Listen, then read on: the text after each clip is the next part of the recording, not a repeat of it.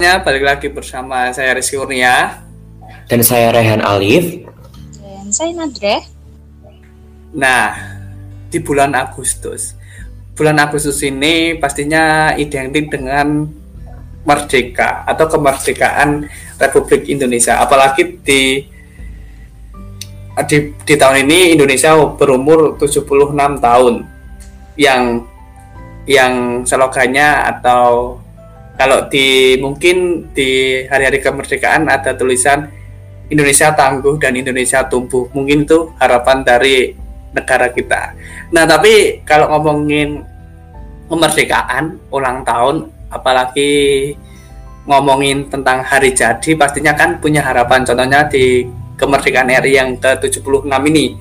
Nah, pastinya punya harapan-harapan yang lebih baik dan uh, dan lebih ingin berkembang lagi. Nggak mungkin kan harapan masa jelek-jelek. Nah, tapi kalau dari Rian sendiri, apa sih harapan dari Rian untuk negara Indonesia ini yang ketut ulang tahun ke-76 ini? Uh, mungkin kalau harapan aku untuk Indonesia kemerdekaan RI yang ke-76 ini semoga pandemi segera berakhir. Semoga keadaan kembali normal seperti dulu, kemudian juga PPKM segera usai dan harapan saya juga masyarakat dan pemerintah juga bisa saling bekerja sama saling bagaimana caranya agar kita menyelesaikan agar COVID ini segera uh, usai dan selesai. Dan harapan saya juga semoga Indonesia di kemerdekaan RI ini lebih baik lagi menjadi negara tanah air yang maju dan memberikan dan juga dapat uh, mewujudkan dan menciptakan generasi-generasi bangsa yang unggul. Itu harapan iya, aku. benar banget. Mungkin harapan dari Rehan positif-positif ya ya. Tapi kalau ya. dari Mbak Nadra sendiri ada nggak sih harapan-harapan untuk apa Indonesia yang 76 tahun ini atau mungkin ada harapan yang buruk? ah, harapannya baik. Jadi harapan saya di um, Hari Kemerdekaan Republik Indonesia yang ke-76 uh, ini karena hari ini banyak sekali anak muda yang mengeluh-mengeluh gitu. Mengeluh karena PPKM dan sebagainya dan sebagainya karena ada banyak sekali masalah, ada banyak sekali tantangan. Saya harapannya adalah satu tahun, lima tahun, 10 tahun ke depan setelah 76 yang uh, ini akan ada generasi-generasi yang solutif karena kita punya banyak pain point gitu. Jadi pain point yeah. itu masalah kayak gitu. Iya, benar banget sih. Dan banyak juga sih kayak di umur-umur sekarang kita ini banyak yang masih mahasiswa yang mengeluh padahal negara kita kan udah merdeka kan ya. Kata orang kan sih merdeka. Tapi nggak tahu sih rakyatnya. Tapi ya harus tetap merdeka. Tapi ini negara aja udah merdeka. Kalau uh, diri kamu sendiri udah merdeka atau belum sih? Apa masih nungguin dia yang ini nggak ngerespon-respon ya kan? Ya enggak kan? Ya harusnya tetap merdeka walaupun keadaan apa pun. Nah tapi di dalam apa lingkungan mahasiswa ini banyak mahasiswa yang sudah merdeka, banyak juga mahasiswa yang sudah mengerti apa arti merdeka di mahasiswa. Contohnya kayak mahasiswa yang merdeka itu seperti dia tahu wah kita harus lebih berkembang lebih baik lagi dan lagi. Ya kan? Nah jadinya apalagi di episode ini kita akan membahas tentang IPK dan mahasiswa prestasi. Ini identik dengan kehidupan mahasiswa dan lainnya. Kan ya Han? Iya kan Han? Iya. Uh, betul banget ya apa yang dikatakan Rizko tadi ya. Jadi kita tuh sebagai mahasiswa mahasiswa itu adalah uh, bagaimana sih perwujudan agar generasi Indonesia ini uh, melahirkan generasi-generasi muda yang unggul dan berbakat dan tentunya juga dengan adanya mahasiswa-mahasiswa yang berprestasi mahasiswa-mahasiswa yang berprestasi juga akan dapat memajukan negara kita atau tanah tanah air Indonesia kita lebih maju dan lebih berkembang. Nah, benar banget. Apalagi di zaman-zaman yang era digital ini untuk berkembang lebih apa lebih mudah kan ya. Nah, tapi kalau kita balik lagi ke mahasiswa dan balik lagi ke judul kita atau episode ini kali ini kita akan membahas tentang IPK dan mahasiswa prestasi. Apalagi kalau kita ngomong IPK. IPK tuh kalau orang kalau mungkin di SMA mungkin nilai rapot kan ya. Nah, tapi kalau udah ngomong IPK biasanya mahasiswa tuh ada pertanyaan-pertanyaan yang muncul kayak IPK kamu berapa sih? Terus dapat dapat IPK berapa? Itu tuh pertanyaan yang mudah tapi kayak sulit untuk dijawab. Kadang malu, kadang nanti kok cuma segini harusnya kan bisa segini ya kan orang-orang beda-beda nah kalau kita membahas IPK menurut aku sendiri IPK itu kayak seperti sebuah nilai uh, kayak kita udah menjalani semester ini dan itu rata-rata nilai kita di semester ini. Tapi kalau dari Mbak Nadra sendiri IPK itu seperti apa sih? Oke, okay kalau menurut aku sendiri itu IPK itu kalau kita makan nasi itu ada nasi ada lauk ada sayur. Uh, eh, IPK itu kayak sayurnya. Jadi dia itu penting tapi bukan yang paling penting kayak gitu. Kamu tahu kayak gitu jadi yang paling penting apa dong mbak? Nasinya yang penting ya ya? Nasinya penting. Nah, kuliahnya yang penting gitu. Oh kuliahnya yang penting. Jadinya selama kuliah itu kalau orang fokus pada IPK itu salah ya? Salah nggak sih mbak? Um, tidak total ya salahnya. Tapi ya kurang kurang bijaksana ya kalau ngomongin kuliah cuma ngomongin IPK aja gitu. Jangan kuliah itu disempitkan dengan batasan yang namanya IPK karena dunia perkuliahan tidak sesempit itu kayak gitu. Kayak ini ya kayak masa-masa SMA jadinya kita kayak dituntut harus besok kamu nimnya harus ini biar nanti masuk ke SMA atau SMP itu ya kan? Dan masa-masa kuliah kan bukan masa-masa seperti itu ya masa-masa yang harus masih mengejar nilai. Kalau zaman-zaman SMP SD SMA kalau mengejar nilai kan itu masih wajar ya kan? Tapi kalau kuliah mungkin lebih ke pengalaman ya kan mbak betul banget. Pengalaman yang nggak didapetin semua orang. Kan kita ini yang mahasiswa ini kita cuma 35% di Indonesia. Jadi kita itu privilege banget kita punya kesempatan yang lebih luas pengalaman yang mungkin akan kita dapatkan lebih luas. Orang yang kita temui itu semuanya insya Allah akan memberikan dampak yang baik buat kita. Di dunia perkuliahan itu uh, menurut saya itu tadi privilege karena hanya 35% kita adalah satu di antara ribuan pemuda yang ada di Indonesia yang bisa kuliah gitu iya Jadi jangan buang-buang waktu cuma untuk kejar atau ambis di IP aja. Tapi Han IP kamu berapa Han semester ini Han? belum keluar IPK aku semester 4. Oh, belum keluar. Tapi IPK sih bisa ini kan apa? Untuk ambil beasiswa juga ya kan beasiswa dan lain sebagainya. Tapi kalau kamu sendirian IP kamu kamu gunakan untuk apa? Kalau aku sendiri IPK buat mengukur kemampuanku sih jadi kayak jadi kalau aku ya IPK itu sebagai ukur mana sih sebenarnya kemampuanku. Oh ternyata kalau segini berarti next di semester selanjutnya aku harus bisa meningkat gitu. Tetap harus hmm, iya memahami juga ya. Jadi selama kuliah itu kita harus paham juga apa yang kita pelajarin. Benar banget. Tapi kalau bahas IPK apa apa ya IPK itu ya kata kata orang penting ya penting sih tapi jangan terlalu dipatokan ya kan tapi Han apa ada nggak sih pengalaman-pengalaman apa di masa kuliah selain untuk mendapatkan IPK? Uh, jadi pengalaman aku selama aku kuliah dari semester 1 hingga semester 5 ini nggak kerasa banget ya dari semester 5 padahal udah tua ya kemarin yang sudah tua Iya, oh, baru kemarin, bukan baru kemarin sih, kayaknya 2019 masuk uh, kuliah kok udah tiba-tiba semester 5 dan tinggal tiga semester lagi. Pengalaman aku yang paling berkesan itu, aku pernah diajak kayak itu, semester itu udah diajak pengabdian masyarakat sama dosen.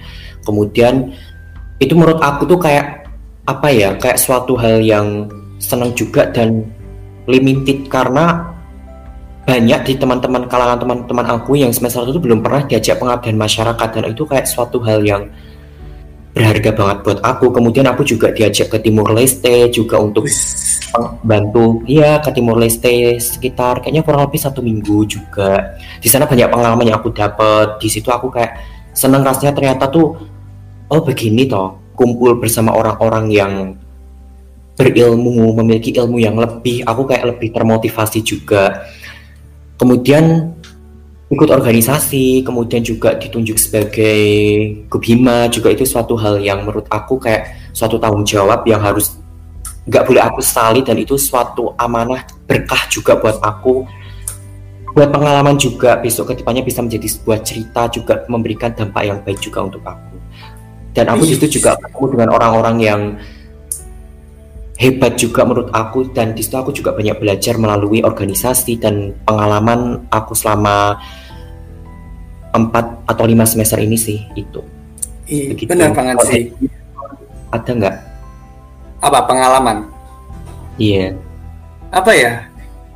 Karena aku orangnya ini ya kayak belum dulu pernah kuliah tiga semester habis itu pindah mungkin pengalamannya lebih banyak ke organisasi kan ya?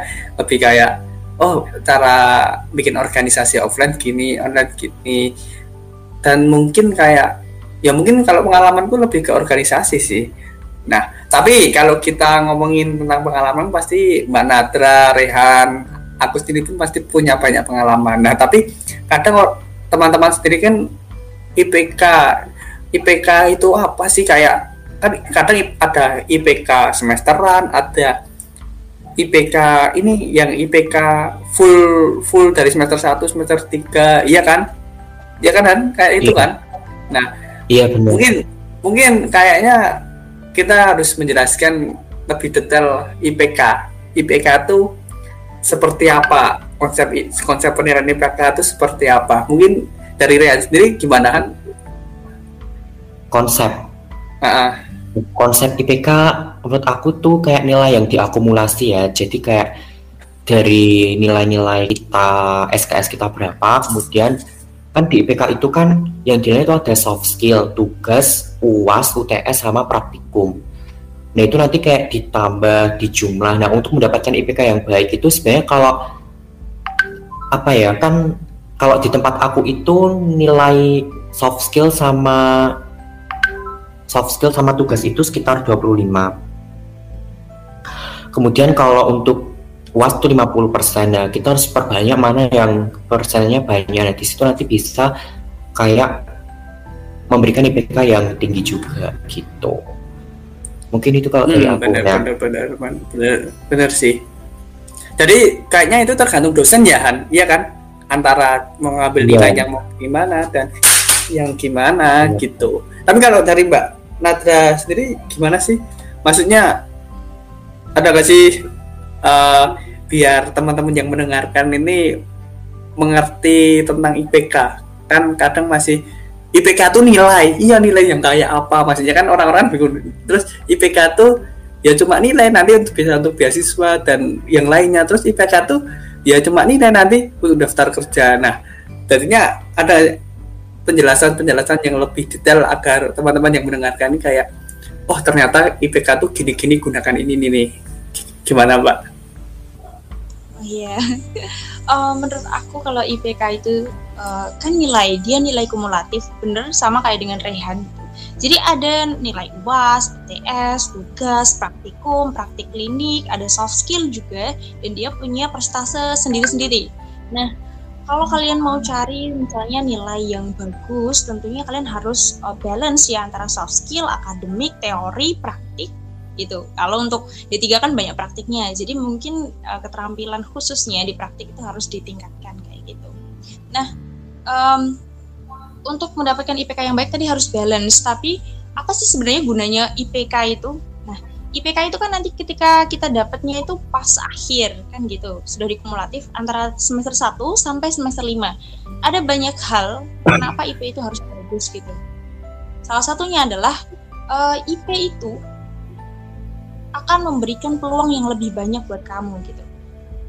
Sederhananya kalau masih mahasiswa ongoing nih, mau cari beasiswa, kemungkinan Bapak Ibu dosen yang menyeleksi atau panitia penyeleksi maka dia akan lihat IP-nya dulu. Walaupun ada faktor lain, misalnya nih, ada mahasiswa itu yang prestatif, ada yang kontributif, ada yang solutif, ada yang aktivis gitu. Ada banyak uh, IP-nya standar nih, tapi dia punya sertifikatnya setebel ini. Wah, mantap tuh. Pengalamannya banyak. Mungkin itu akan jadi pertimbangan. Tapi um, secara kompetisi mungkin IP yang lebih bagus akan punya prioritas yang lebih uh, baik di mata Bapak Ibu dosen atau panitia seperti itu. Nah, yang kedua adalah untuk cari kerja. Ya benar, cari kerja. Tapi kalau mengandalkan IPK, hello, ada orang di Indonesia ini ada ribuan orang yang kuliah dan dia cuma da uh, kalian dapat IP 4 tapi ada yang dapat 4 itu nggak cuma kamu gitu loh jadi jangan ngandelin IPK aja ada banyak uh, hal yang harus kamu dapetin di kuliah gitu yang terakhir adalah ketika kita punya IPK yang bagus adalah suatu kebanggaan gitu. Misalnya nih nanti Rehan atau Maskur lulus wisuda. Panggil wisudawan terbaik gitu. Rizky Kurniawan. Amin. bangganya bukan main orang tuanya. Wah terharu kan?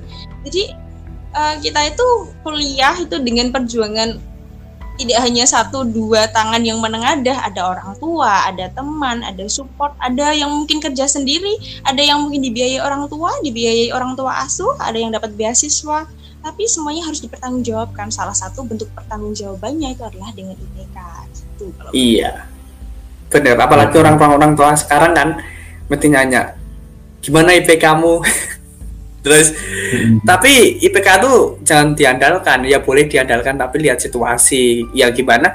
Misalnya kamu nyari beasiswa, beasiswa nih ya, beasiswa itu butuhkan IPK. Ya udah, nggak apa-apa, kita pakai IPK. Terus kita cari beasiswa tapi beasiswa itu nggak andelin IPK, tapi lihat gimana cara kamu menjawab dan pekerjaan pun sekarang udah banyak yang kayak nggak pakai IPK karena di Indonesia orang pintar dapat IPK di atas 3,60 tuh udah banyak ya kan contohnya kalian pasti hmm. nggak hmm. mungkin kalian pasti dapat nilai IPK di atas 3,60 termasuk orang-orang yang apa yang mampu bisa melewati kumlot kalau atas sekarang iya kan Han ya tapi kalau menurut Mbak sendiri sih uh, menurut Mbak sendiri kalau sebenarnya IK itu jamin nggak sih untuk masa depan yang cerah? Mungkin ada yang bilang bisa mungkin ada yang bilang hmm, ya tidak mengatakan enggak ya. Karena kan kita bekerja itu yang dinilai kan profesionalisme ya. Tapi dengan IPK yang baik itu setidaknya kan juga bisa menjamin ya. Menjamin ketika kita cari kerja. Karena kita karena kadang itu orang itu kan melihat dari hasilnya ya kadang kita nggak tahu tuh prosesnya tuh gimana gitu untuk mendapatkan nilai IPK setinggi mungkin itu nah kalau dari tanggapan Mbak Nat sendiri mengenai IPK yang dapat menjamin masa depan yang cerah itu bagaimana sih? IPK menjamin masa depan. Tidak ada yang menjamin masa depan kamu 5 menit ke depan, 10 tahun ke depan, apalagi perkara IPK hanya sebuah angka di selembar kertas gitu. Itu adalah bentuk pertanggungjawaban. Berhasil atau gagalnya kamu itu ditentukan sama kamu sendiri, nggak ada yang menjamin. Tapi alangkah lebih baiknya ketika kamu bertanggung jawab di sana, kamu misalnya dibilang gini, oh lah IPK itu tidak menjamin masa depan. Habis itu kamu nggak nggak ngurusin tuh kuliah kamu, IPK sudah gunakan. Lah gimana ini? Kalau kamu sudah mungkin dewasa, kamu akan berpikir lebih bijak lagi gitu. IPK memang tidak uh, sepenting itu, tapi kamu harus bertanggung jawab terhadap apa yang kamu mulai. Dan uh, kalau saya ya di keperawatan, kalau saya itu salah teorinya, pasien saya mati, salahnya uh, salahnya siapa? Sebuah keteledoran gitu.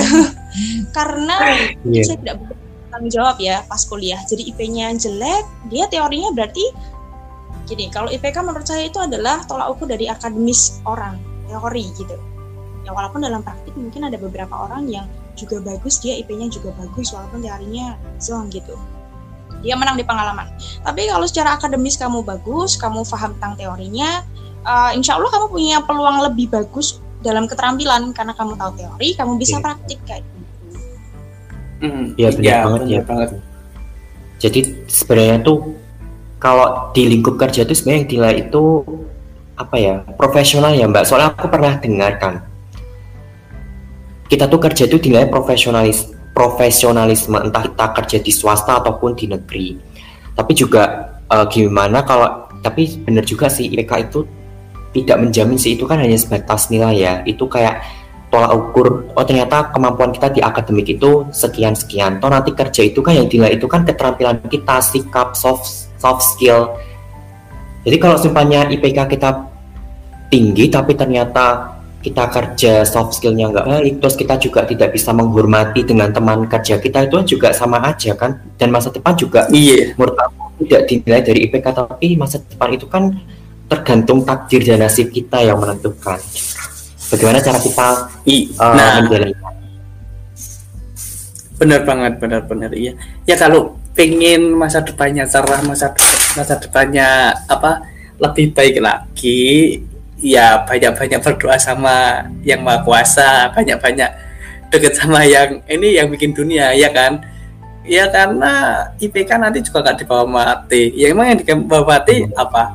Emang kamu nanti IPK 4 terus uangmu banyak di apa di dunia ini terus apa kalau sekarang jabatan kamu tinggi kamu punya mungkin famous punya banyak fans. Ya kan itu nanti nggak dibawa mati tapi gimana caranya masa depan kita tuh juga cerah tapi nanti di masa depan yang lebih baik apalagi masa atau masa atau goals tujuan kita kan akan nanti kita akan sama-sama apa di alam barzah tadinya gimana caranya di alam itu kita juga membawa apa manfaat yang lebih baik lagi bukan hanya IPK IPK kalau mungkin IPK sekarang bisa dibawa ke alam barzah mungkin sekarang banyak ya berlomba-lomba di apa tes IPK tes IPK-nya biar banyak. Terus apa nanti IPK-nya apa nanti di di dalam kubur yang IPK-nya 4 boleh masuk surga ya kan? Enggak kan? Ya kan enggak gitu konsepnya ya kan? Contohnya gini sekarang banyak tes apa tes PNS ya kan? Orang banyak berlomba-lomba masuk tes PNS ya ASN PNS gitu masuk polisi tentara gitu. Kenapa dia mau masuk? Karena dia dijamin dijamin negara uangnya sebulan ada. Terus apalagi udah pokoknya hidupnya terjamin kalau kata orang sekarang kalau udah ngikut tentara polisi PNS dan lain hidupnya terjamin semuanya ada gitu ya kan? Nah kalau semisal nih yang maha kuasa atau Allah swt atau Tuhan kita buka tes tes masuk surga siapa yang mau masuk? Kan lebih banyak lagi kan. Nah jadinya kayak konsep IPK konsep yang lainnya kita tuh harus benar-benar memilah dan memilih ya kan? IPK itu mau dibawa ke mana? IPK itu mau di apa?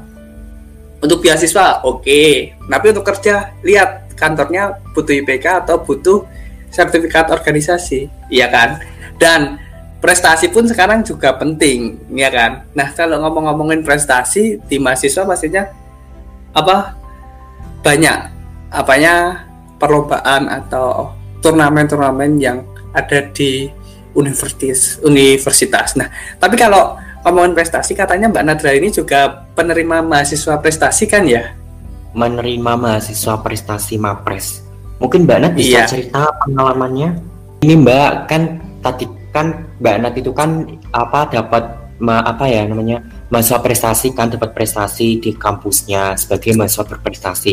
Nah kan Mbak Nadra kan juga mesti kan eh, ikut organisasi juga dan Mbak Nadra kan juga ikut BEM. Nah itu kan pasti cara memilih eh, memanage waktu belajar terus mendapatkan IPK yang baik terus aktif organisasi terus bisa dapat mapres itu gimana pengalaman dan ceritanya mungkin teman-teman mungkin aku sama Rizko atau listener podcast Maskur ingin tahu gimana sih caranya kok bisa sampai dapat mahasiswa berprestasi itu kan Iya. juga suatu kebanggaan bagi Siapa mahasiswa tahu mahasiswa nanti, ya, siapa tahu, tahu nanti bisa nular ke listener-listener atau enggak Hmm. nanti kita bisa ditular ya Han.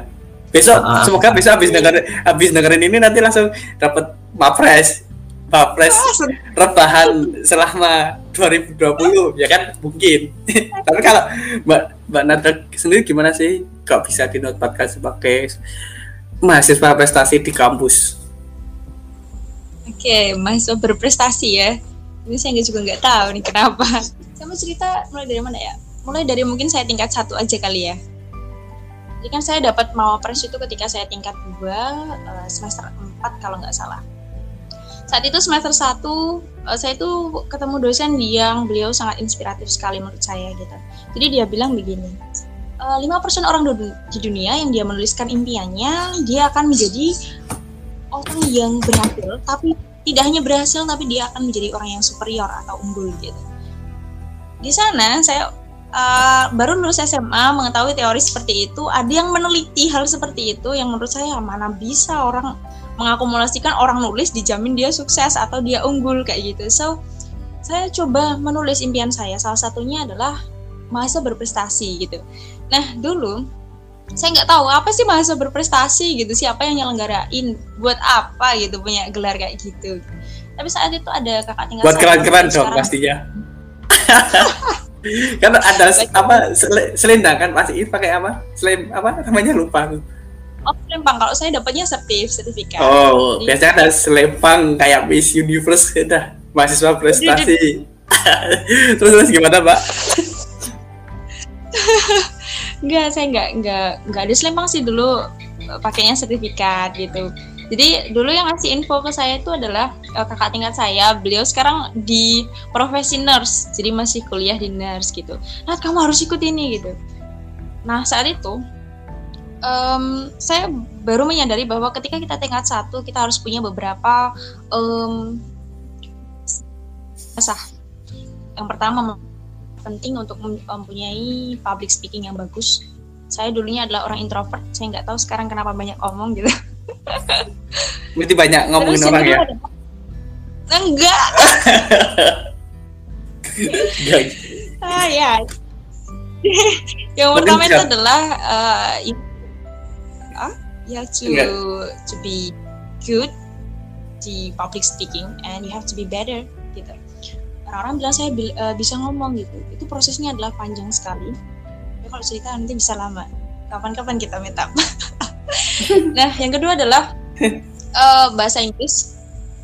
Yang ketiga adalah kamu tanggung jawab tadi IP.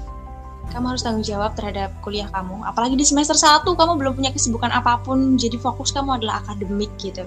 Saya uh, saat itu kalau semester 1 2 kan belum punya uh, mungkin jabatan strategis gitu ya. Kalau di BEM ya masih staff kayak gitu-gitu. Terus yang ketiga adalah Eh, kepenulisan. Jadi ada empat hal yang harus jadi sangunya atau jadi bekalnya anak mahasiswa tingkat satu. Dan saat itu saya uh, naik ke tingkat dua mau ke semester 4 mau apres itu awalnya itu adalah offline. Uh, saya dihubungi oleh dosen saya. Ada lima nama saat itu. Di program diploma ada lima nama yang diajukan untuk jadi perwakilan prodi. Jadi ada beberapa jenjang mahasiswa berprestasi itu. Uh, seleksinya. Yang pertama adalah saya di prodi. Ada lima orang lalu di seleksi demikian rupa. Ada dua nama gitu. Saya sama teman saya. Saat itu uh, saya bingung wah apa sih yang harus saya siapin? Gitu. Ternyata yang dinilai saat itu pada saat mahasiswa berprestasi yang pertama adalah dia ada kemampuan di bahasa Inggrisnya ada juga apa namanya tuh karya tulis ilmiah. Karya tulis ilmiah yang dia adalah untuk menyelesaikan atau menjadi solusi dari SDGs atau Sustainable Development Goals pembangun, uh, pembangunan berkelanjutan ya yang 17 bidang itu yang 2030 nah saat itu itu lalu udah tuh seleksi prodi udah selesai habis itu saya ke seleksi tingkat kampus. Nah, saat itu ada beberapa mahasiswa dari Bidan. Kalau D3 kan tarungnya sama D3 ya, satu sama S1. Jadi di kampus itu ada dua mawapres. Yang pertama mawapresnya itu adalah mawapres diploma, yang kedua adalah mawapres jenjang sarjana. Saya ini adalah mawapres jenjang diploma alhamdulillah saat itu di UKH tahun berapa? 2020. Uh, 2020. Nah, saat itu diseleksinya sama public speaking. Jadi kita presentasi tentang KTI kita. Um, ada juga yang presentasi pakai bahasa Inggris saat itu. Itu poin plus banget sih. Ada dewan juri tiga. Saat itu alhamdulillahnya saya lolos singkat cerita. Lolos untuk mewakili kampus ke nasional. Nah di nasional ini udah mulai tuh pandemi. Nah ini nih saya mau cerita. Pada saat itu mau lolos ke nasional saya itu dihadapkan dengan tiga hal tiga hal besar yang saya hadapi saat itu saya kan memutuskan tingkat satu saya memutuskan untuk oh, saya pengen jadi aktivis tapi saya juga bikin ingin akademis akademisnya bagus gitu. Nah ada orang yang bilang gini nih gak iso nanti kamu semester 3 4 udahlah ngelokro kayak gitu. Karena kamu punya tanggung jawab beban yang besar gitu di Ormawa eh. saya bilang gini ah masa iya? Sok mutusi saya kayak gitu. Tapi enggak.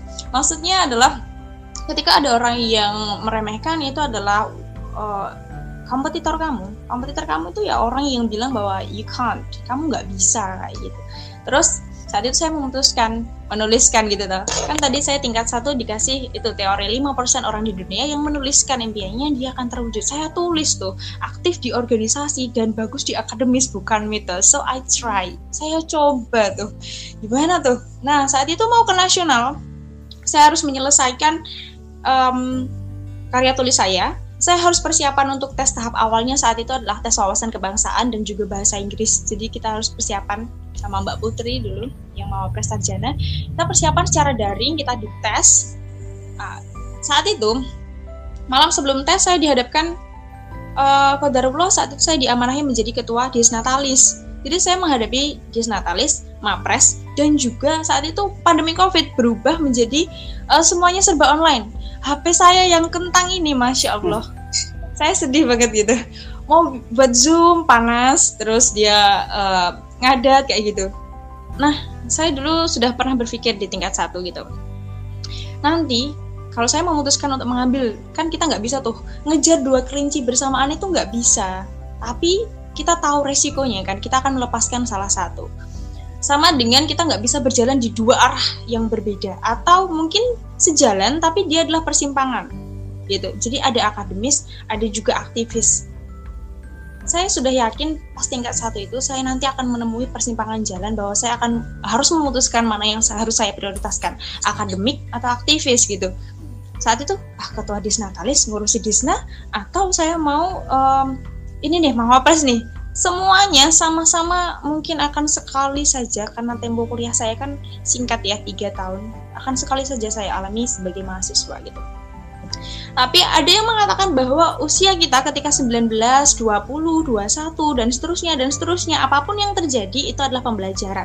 Nah, di situ saya mengambil peluang gitu. Kita itu harus jadi pembelajar yang baik dalam kehidupan. Ya udah saya ambil peluang bahwa oke okay, saya putuskan saat itu kan hmm. saya itu resikonya satu kalau saya fokus ke disnatalis um, yang ini nggak saya urusi nanti gimana gitu kan saya sudah punya tanggung jawab dan amanah dari kampus. Kalau saya uh, fokus ke mapres dari disnatalisnya gimana panitianya gimana jalannya? Terus saya mikir lagi kalau saya fokus dua-duanya saya juga masih kuliah saat itu masih aktif-aktifnya kuliah. IPK saya gimana? Nah balik ke IPK waduh saya gitu. Terus akhirnya saya memutuskan untuk IPK saya yang saya korbankan gitu. Jadi mungkin saya um, menyesal tidak karena saya memutuskan saat itu memang itu yang saya korbankan. Gitu. Jadi jangan dicontoh lah. Uh, nggak ingin jadi robot nggak nggak ingin jadi robot. Hmm, kan kalau robot ada, bisa dua-duanya. Jadi apa? Jadi robot. Nggak ingin kepikiran jadi robot. Wah aku pengen jadi robot kayak jadi robot. Mungkin aku bisa ngerain semuanya. Tapi kan hmm. nanti ini aku tuh manusia bukan robot. Kadang mikirnya gitu kan. Apalagi aduh manusia disuruh apa mikir dua organisasi eh, organisasi juga IPK juga terus tambah bawa pres iya kan mbak? Iya saat itu bener-bener uh, saya nggak tahu ya tiba-tiba nangis gitu ya adalah nangis gitu. Saya kalau nangis sembunyi-sembunyi. Aduh kenapa ini? Saya nangis padahal nggak ada sebab. Itu karena mungkin lelah gitu ya. Tapi um, karena saya mungkin bisa dibilang adalah orang yang oportunis gitu. Ketika ada kesempatan saya ambil saya sudah sanggupi ya udah saya akan lakukan semaksimal mungkin gitu. Itu bener-bener semuanya itu kayak masalah masalah masalah masalah gitu. Mana yang harus saya ambil? Akhirnya di Natalis tetap saya uh, guide tetap uh, kita selesaikan dengan panitia ya sama-sama kita persiapan gitu. Mau pres um, ya saya selesaikan seperti itu. Jadi tetap saya ambil dan resikonya adalah IPK saya saat semester 4 semester 5 gue terjun bebas terpontal-pontal tapi itu nggak masalah karena um, kebahagiaan itu diciptakan dari diri kita sendiri. Keputusan yang kita ambil kita tahu resikonya kita tahu sendal yang nyaman buat kita. Ya itu sendal yang nyaman adalah uh, saya guide natalis dan saya fokus ke mawapres. Kuliahnya saat itu benar-benar saya off cam um, off itu micnya terus kayak teman saya tuh eh Nadra mana Nadra mana gitu. Saya di perundung itu di perundung chat. Karena apa? Karena saya saat itu bolos tapi jangan ditiru. Saya bolos saat itu kan itu ya. bolos tapi dapat nama pres kan harus ditiru kan iya kan? Bolos dapat nama pres terus ketua di Satalis itu nggak apa-apa ditiru kalau positif. Iya kan saat itu janganlah jangan. Saat itu saya memang benar-benar ada urgensi karena kenapa harus ditinggalkan itu kuliahnya. Saya kan itu part time ah, jadi entah kenapa saya mengambil um, banyak sekali sesuatu hal yang menekan saya gitu loh. Udah perempuan badannya kecil gitu cari kayak uh, beban-beban gitu. Jadi saya saat itu kuliah off semuanya. Saya off kan tuh. Abis itu kan saya join saya screenshot. Abis itu saya keluar gitu aja. Udah dicari tuh. Nadra mana gitu? Gak apa-apa. dosen. Itu cara mahasiswa beradaptasi sekarang. Aduh malah memojokkan apa ya? Tapi saat itu saya ngajar saya oh, baru iya. ngajar di bimbel. Jadi aduh ya udahlah terserah. Mau di alfa juga nggak apa-apa gitu. Udah akhirnya itulah. Jadi seharian itu um, saya fokus pada tiga hal. Orang kan nggak bisa ya maksudnya fokus ke berarti nggak fokus sih. Saya terbagi di tiga hal gitu. Oke, saya selesaikan konsep Natalis. Malam ini submit terakhir nih, submit terakhir KTI. Harusnya saya submit kemarin-kemarin.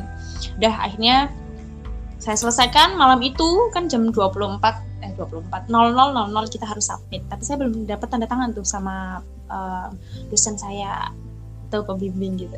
Terus uh, akhirnya yaudah saya chat lah malam-malam beliau agak menegur saya karena malam-malam chat gitu jam 10 jam 10 mana namanya? Salah saat itu astagfirullah.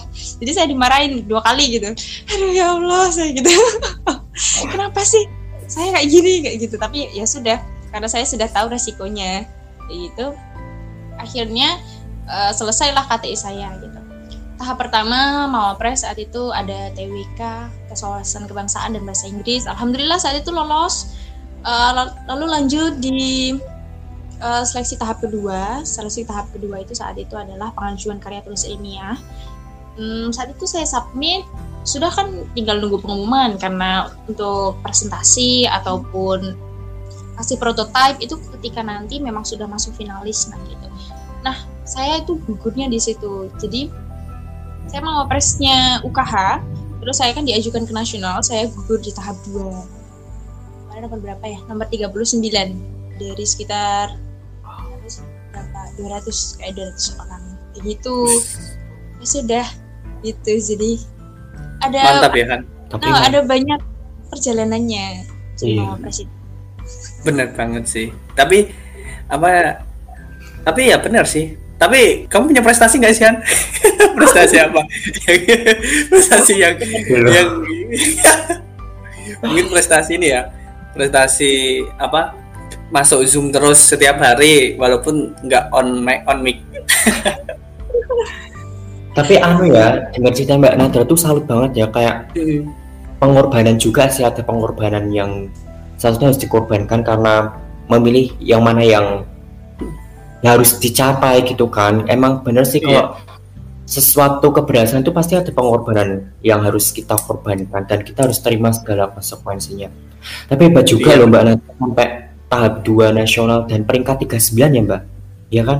Alhamdulillah. Ya, Alhamdulillah. Juga, pasti tapi kan, untuk untung pas perjuangannya mbak Nadra mesti nggak punya pacar. Kalau punya pacar pasti cowoknya nggak tahu bingung.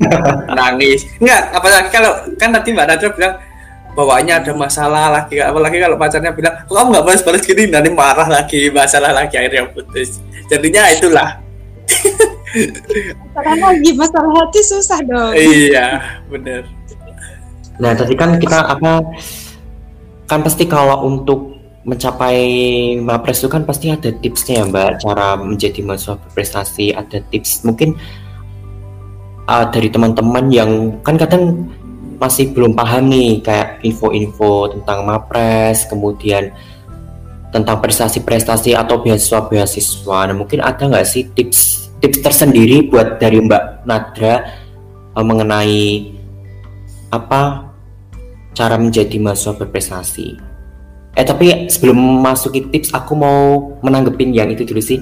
Yang apa namanya menulis di buku. Eh menulis di kertas. Tapi aku pernah nyoba dulu. Emang itu kayak ngaruh pernah aku waktu semester 2 itu aku pengen IPK aku dapat 3,7 itu aku tulis dari IPK aku IPK semester 1 kan 3,67 aku tulis strip 3,7 itu beneran kecapai sih malah lebih malah dapatnya 3,75 beneran aku masih ingat itu masih masih kesimpan di apa namanya di buku eh di buku di papan papan belajarku di Solo gitu dan aku nyata kayak nyata benar ya kalau kita menulis planning tuh kadang tuh bisa tercapai kayak yang tadi dijelasin yang Mbak Nata bilang itu.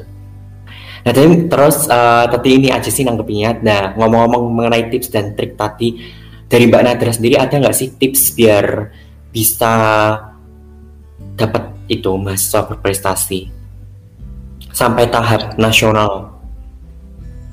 Tipsnya kalau dari saya, um, dimulai jangan pacaran, jangan pacaran. Bagus, jangan pacaran dulu. Serius-serius apa ya? Tipsnya itu dimulai ketika kalian masuk memasuki dunia perkuliahan, kalian dikenalkan yang namanya ospek. Nah, di sana itu bekalnya banyak. Jadi diambil yang banyak. Ah, ini. Ketika kalian di mahasiswa tingkat satu, semuanya sama. Sama kita kan ketemu orang baru pasti ah orang ini pasti orang biasa, orang biasa, orang biasa. Maksudnya semuanya adalah sama gitu. Tapi you have to show up your ability no matter what gitu. Kamu punya kemampuan apa ya show up kan gitu show up itu dalam arti pada momen-momen tertentu ketika ada uh, peluang ambil di situ. Karena keberuntungan itu bukan karena Dewi Fortuna datang tapi karena kesiapan bertemu dengan peluang. Kalian sudah siap dan ada peluang. Nah yang pertama tipsnya adalah uh, show up. Show up tapi jangan over gitu jangan terlalu berlebihan. Show up saat itu membuat kamu menjadi eye catching gitu. Jadi oh itu orang yang itu. Oh itu aktif di kelas kayak gitu. Yang kedua adalah uh, kamu harus aktif di berbagai kegiatan mungkin sesuai passion kamu um, tadi ya mahasiswa ada tiga ada yang kontributif ada yang solutif ada yang aktivis ada yang prestatif ada empat kalian harus uh, memilih memilih kalian mau jadi yang mana tapi setidaknya kalian harus mencoba uh, salah semuanya. satu dari empat. Kalau bisa semuanya dicoba, biar ngerasain jadi mahasiswa aktif sih. Uh, karena benar ketika kalian mau apres bukan karena bukan karena uh, public speaking kalian bagus, bukan karena bahasa Inggrisnya yang bagus, tapi portofolio kalian itu menunjukkan bahwa memang kalian adalah sosok uh, superior gitu. Kalian punya pengalaman, kalian solutif, itu akan melengkapi portofolio kalian gitu. Karena portofolio ini akan menjadi pertimbangan yang lumayan untuk maju ke seleksi selanjutnya. Jadi saat itu portofolio seperti pengalaman kalian organisasi atau kegiatan volunteer kayak gitu-gitu semuanya itu masuk. Saya tuliskan di sana itu akan menambah poin karena memang ada poinnya. Jadi di Mawapres itu siapa yang gubernur, siapa yang BPH, siapa yang ketua, siapa yang presiden dia ada poinnya. Uh, katakanlah 10. Siapa yang jadi BPH, siapa yang jadi ketua suatu event uh, atau apa ya? Sekretaris bendahara BPH ya. Tadi suatu event kan tadi suatu organisasi 10. Nah, suatu event itu misalnya adalah 8. Nah, gitu. Kalau kalian punya kepanitiaan, uh, ikut kepanitiaan, ikutilah mungkin dari internal kalau bisa dilebih luaskan lagi kalian ikut yang regional nasional. Apalagi kalau bisa di internasional. Ke Pulau saat itu di Kusuma ada program internasional kayak gitu. Jadi saat itu dengan Taiwan mungkin Raihan ke Timur Leste saat itu juga. Tapi itu bukan oh, iya. volunteer ya? Eh, bukan. nah kalau pas zaman saya ada tuh volunteer. Jadi ikutilah kegiatan itu. Tapi ingat kalian harus tetap bertanggung jawab dengan kuliah kalian. Sudah show up, sudah ikut kegiatan, kalau ada peluang um, ambil. Peluang itu muncul ketika kalian memang prepare di sana. Informasi dari informasi tentang mahasiswa berprestasi itu biasanya diselenggarakan terbuka ya. Itu dari Kemendikbud biasanya akan turun ke kemahasiswaan dan nanti akan diinfokan pada um, ya ada nanti yang menginfokan. Nah, kalau di kampus itu biasanya kalau kalian mungkin gimana ya kalian harus punya relasi yang banyak. Kenapa harus punya relasi yang banyak? Karena informasi itu kalian kalau kalah start dulu mungkin peluang untuk lolosnya itu akan sedikit. Jadi uh, bergaullah sebanyak mungkin. Carilah kumpulan-kumpulan yang baik gitu. Saya teman-teman saya mungkin ada yang nggak tahu mau apa itu apa tapi saya tingkat satu itu karena saya kenal dengan cutting saya. Itu saya ketemu di lembaga dakwah kampus. Nah masnya itu beliau bilang itu mama pres itu bagus dan uh, sebagainya sebagainya oh iya saya kan gitu. Saat itu saya bertanya-tanya bener nggak sih bagus kayak gitu saya tulis saat itu saya belum tahu apa. Tapi saya tahu ini yang mungkin akan saya ambil kayak gitu. Jadi karena relasi saya mengetahui informasi. Gitu. Terus saat itu ketika ada peluang kamu harus maksimal di situ ya hmm. harus tanggung jawab tentang apa yang sudah diputuskan kalau kamu sudah diberi amanah mahasiswa berprestasi artinya ada banyak sekali di pundak kamu ini mungkin kamu akan jadi figur di teman-teman kamu kamu akan yang dicontoh kamu akan yang loh kok kamu gitu jadi ada beban moral tersendiri ketika jadi mawapres suatu saat nanti ketika mungkin Mas Rizky Maskur ya atau Rehan. Mas Rehan mungkin jadi mahasiswa berprestasi amin. ada banyak amin ya amin, amin. ya ada banyak sekali uh, tanggung jawab um, mungkin ada beberapa orang yang akan berkiblat ke kamu belajarnya kayak gimana soft skillnya attitude-nya nah itu jadi ada tanggung jawab dan beban dan juga perjuangan tentunya kayak gitu. Iya, bener banget. Tapi kan tadi dari tips dari seseorang yang masih dapat masih prestasi. Tapi kalau tips dari orang yang tidak tidak menjadi mahasiswa prestasi, gimana? Ada kan? Ada aku tipsnya apa ya? Belajar yang rajin kan apa? Karena kita rajin belajar yang rajin. Belajar yang rajin belum tentu dan mendapat mahasiswa prestasi ya. Karena yang nggak belajar bisa mendapat mahasiswa prestasi, ya kan? kalau belajar rajin bisa jadi mahasiswa berprestasi nggak? Tergantung, tergantung ya, Mbak. Hmm, oh, sih tergantung.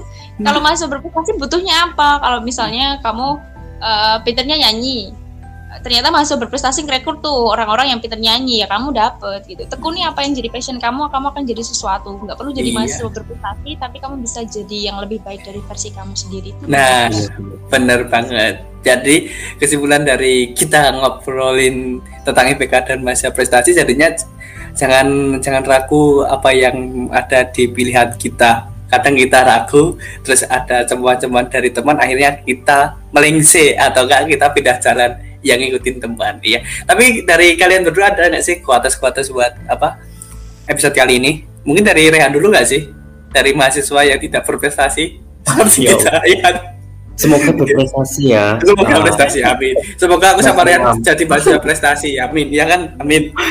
Semoga berprestasi, jangan tidak iya. berprestasi. Iya. iya. Berprestasi kok Rehan tuh dari IPK-nya juga bagus kok. Ketua Hima kok ya. Apaan batasnya? Iya kalau quotesku mungkin ya anu quotes, quotes dari aku. Gapailah uh, impianmu dan janganlah mudah berputus asa yakin dan tekun bahwa kamu dapat mencapai segala impian yang kamu inginkan. Nah, semangat terus.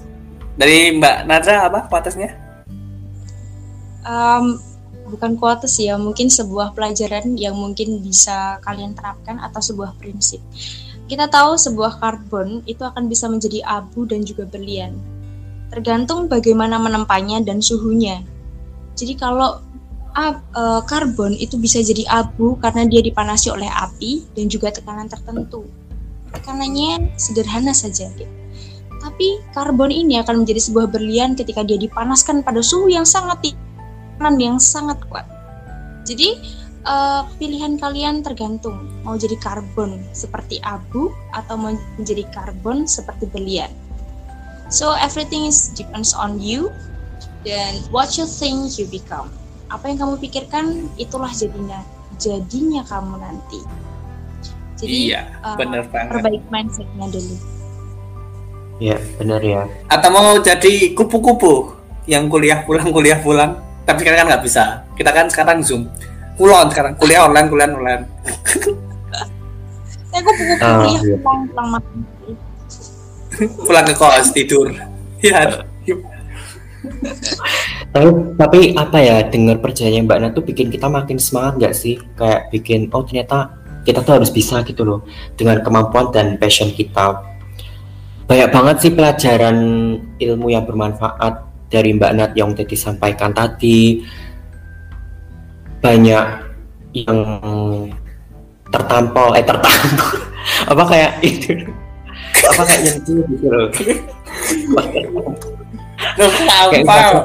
oh, oh ternyata tuh apa ya sebenarnya kitanya nggak sih yang kayak ngerasa masih malu-malu buat minder gitu kayak buat show up gitu loh. Kayak ngerasa aduh udah pesimis dulu kayak ngerasa ah nggak pede ah, ah kamu aja gitu. Yang itu kan jadi kayak salah satu penghambat kita kayak nggak bukan yang kita makin maju makin berkembang malah kita tuh makin tertinggal kan. Gitu. Mungkin Rizko ada pesan juga atau udah tadi pesannya udah di apa udah disampaikan sama Mbak Nat aku ikut oh. aja. Iya,